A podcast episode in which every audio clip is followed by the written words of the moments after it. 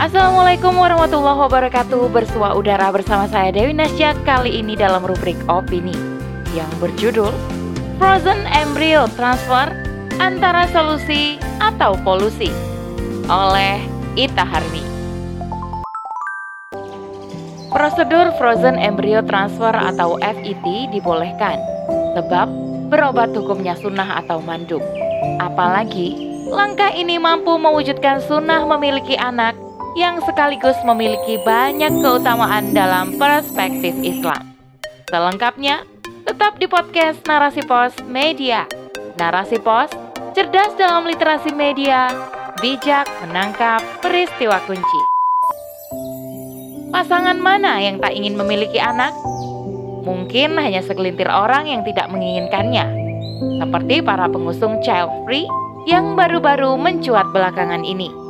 Tampak sekali, mereka hanya mengutamakan kesenangan pribadi dan ragawi semata, namun minus komitmen dan tanggung jawab. Normalnya, naluri kasih sayang yang dimiliki oleh manusia akan menginginkan anak-anak dalam kehidupan rumah tangganya. Apalagi bagi seorang muslim, anak bukan hanya sekedar pelengkap kehidupan duniawi, tetapi sekaligus memiliki nilai investasi ukhrawi. Hanya doa anak yang saleh yang akan memadamkan murka Allah atas kedua orang tuanya. Apabila seseorang meninggal dunia, maka amalnya terputus, kecuali karena tiga hal: sedekah jariah, ilmu yang bermanfaat, dan anak saleh yang mendoakan orang tuanya. Hadis riwayat Ahmad, Muslim, dan Abu Dawud. Namun, bagaimana bila yang dinanti tak jua kunjung hadir ke pangkuan suami istri? Tak sedikit memang pasangan yang bahkan sudah menikah bertahun-tahun tapi belum juga dikaruniai momongan. Tentu saja, ini akan menjadi beban pikiran tersendiri bagi mereka. Belum lagi tekanan dari pihak masing-masing keluarga dan juga perbincangan para tetangga. Dulu, bila manusia hanya bisa pasrah menerima keadaan, hari ini di saat ilmu pengetahuan dan teknologi berkembang secara masif, permasalahan memiliki sebuah hati bukanlah sebuah mimpi. Program fertilisasi buatan bisa menjadi salah satu solusi tepat untuk mengatasi masalah ini, atau biasa dikenal dengan sebutan program bayi tabung. Program bayi tabung atau juga dikenal dengan istilah in vitro fertilization atau IVF sukses dilakukan pertama kali pada tahun 1977 oleh Step 2 and Edwards terhadap sepasang suami istri di Manchester, Inggris. Tahun 1978, bayi tabung eksperimen pertama lahir ke dunia. Setelah itu, IVF mulai dikembangkan sebagai alternatif baru dalam usaha memiliki momongan. Sebagaimana yang dilakukan oleh beberapa pasangan tokoh publik seperti para artis di Indonesia. Tren bayi tabung menjadi jalan bagi mereka untuk menghadirkan buah hati di saat mereka menghadapi kendala bertahun-tahun lamanya dengan cara alami. IVF sendiri adalah program kehamilan yang menyatukan sel telur dan sel sperma pasangan suami istri yang terjadi di luar rahim.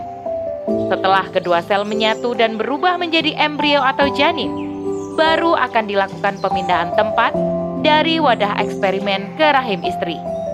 Program IVF ini tidak hanya bisa dilakukan sekali saja, namun bisa juga dilakukan berulang kali. Inilah yang dikenal dengan program Frozen Embryo Transfer atau FET atau pemindahan embrio beku.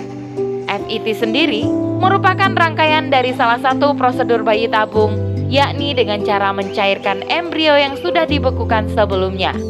Embrio yang sudah berhasil dikembangkan di luar rahim pada saat pertama pembuahan bisa langsung dipindahkan ke dalam rahim. Tapi, untuk beberapa kasus, pemindahan juga dapat ditunda, bahkan dalam jangka waktu bertahun-tahun. Penundaan dilakukan dengan cara membekukan embrio di tempat yang khusus.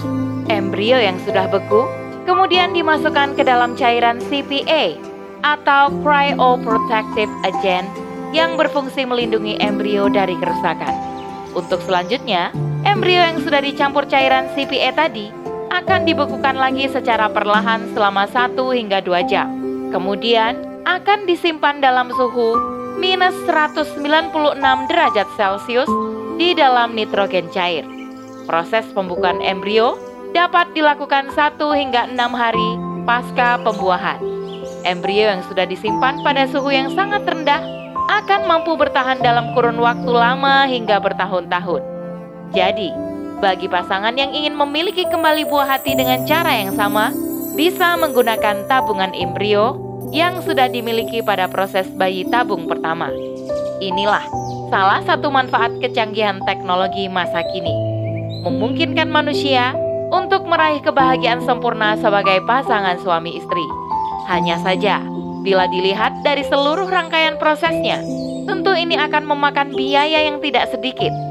Untuk di Indonesia saja, biaya untuk program ini berkisar di antara 60 juta rupiah sampai 100 juta rupiah tergantung dari rumah sakit tempat melakukan prosedural. Islam sebagai agama yang sempurna mempunyai pakem-pakem khusus untuk manusia dalam setiap amal perbuatannya. Tidak ada perbuatan manusia yang tidak diatur dengan sempurna oleh Islam. Semuanya bertujuan untuk menjamin berlangsungnya kehidupan sesuai dengan syariat, agar tidak menyalahi fitrah menyengsarakan jiwa, dan membungkam logika. FET sebagai salah satu alternatif yang disuguhkan teknologi bagi pasangan suami istri yang memiliki kendala dalam menghadirkan sang buah hati ke dunia secara alami, juga tak luput dari sorotan kacamata Islam. Setelah mengenali fakta FET di atas, maka syarak membolehkan atau jais prosedur ini, dikarenakan Prosedur tersebut dimaksudkan sebagai usaha untuk mewujudkan hal yang disunahkan oleh Islam, yaitu memiliki anak. Bahkan, beberapa anak bila kondisinya memungkinkan.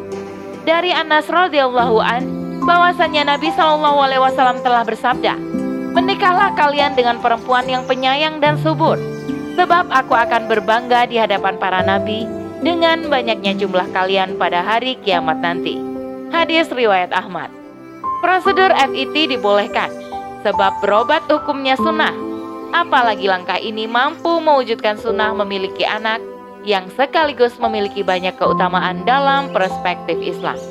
Hanya saja, yang perlu dan sangat penting untuk diperhatikan adalah disyaratkan sel telur dan sel sperma yang dipertemukan dan berkembang menjadi embrio berasal dari pasangan yang sudah sah menikah. Sel telur yang diambil adalah milik istri, dan sel sperma yang juga diambil dari pihak suami. Kemudian, sel-sel mereka disatukan sampai berubah menjadi embrio, lalu dipindahkan ke rahim istri, bukan ke rahim wanita lain seperti kasus sewa rahim. Hukumnya berubah dari boleh atau jais menjadi haram bila salah satu sel tidak berasal dari pasangan suami istri yang sah. Apalagi bila memindahkan embrio satu pasangan ke pasangan lain, meskipun pemindahan embrio akan diletakkan pada rahim istri yang sah. Hal ini disebabkan karena akan merusak jalur nasab manusia menjadi polusi di tengah masyarakat. Karena terjadinya percampur adukan gen yang sah dengan yang tidak sah, sehingga secara nasab akan memiliki jalur yang berbeda. Sebagaimana diketahui, jalur nasab yang dimiliki oleh Islam diambil dari pihak ayah. Dari Ibnu Abbas radhiyallahu an, Nabi Shallallahu alaihi wasallam telah berkata, Siapa saja yang menghubungkan nasab kepada orang yang bukan ayahnya atau budak bertuan selain kepada tuannya, maka dia akan mendapatkan laknat dari Allah, para malaikat, dan seluruh manusia. Hadis riwayat Ibnu Majah. Penggunaan salah satu atau salah dua sel telur dan sel sperma yang bukan berasal dari pasangan suami istri yang sah, maka proses kehamilannya sama dengan perzinahan.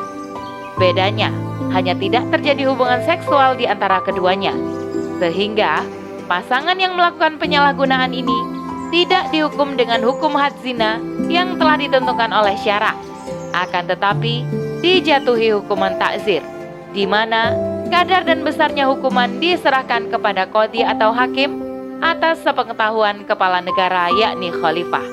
Pertanyaannya, apakah mungkin semua pihak yang terlibat dalam prosedur ini dijamin akan berlaku jujur untuk kehidupan hedonis, liberal, dan kapitalistik hari ini, di mana yang menjadi Tuhan bagi manusia adalah profit, maka peluang kecurangan akan besar terjadi. Bisa saja Para pelaku akan selektif memilih bibit embrio yang berkualitas tinggi tanpa memperhatikan lagi sumber-sumber bibit yang didapatkan. Apakah halal atau tidak? Pasangan suami istri bisa memilih bibit mana saja yang diinginkannya, sekalipun bukan berasal dari darah daging mereka sendiri, asalkan mereka punya biaya untuk mendapatkan semua hal tersebut. Tidakkah ini sebuah kegilaan yang nyata? Maka, di sinilah perlunya peran negara sebagai penjamin terlaksananya syariat di setiap amal perbuatan rakyatnya, termasuk untuk membentuk perilaku jujur atas dasar ketakwaan terhadap Allah Subhanahu wa Ta'ala. Pada setiap pihak yang terkait dengan usaha ini, negaralah yang akan menjadi hakim melalui kodinya untuk menghukum siapa saja yang berani melakukan setiap kecurangan dalam prosedur alternatif mendapatkan keturunan ini. Sebab berbahaya bila tersebar nasab yang kacau dan rusak di tengah masyarakat. Hal ini tentu saja akan berpengaruh pada sistem perwalian dan hak waris. Lantas, apa yang bisa diharapkan dari kapitalisme dan liberalisme? Bagaimana bisa berharap hidup akan bahagia bila halal haram saja tidak diperdulikan? Maka, kembali pada naungan Islam secara totalitas adalah satu-satunya kunci untuk terjaminnya keamanan jiwa, raga, dan kebahagiaan hakiki dalam kehidupan dunia dan akhirat. Wallahu a'lam bisawab. Demikian rubrik opini kali ini. Sampai bertemu di rubrik opini selanjutnya. Saya Dewi Nasyak undur diri. Assalamualaikum warahmatullahi wabarakatuh.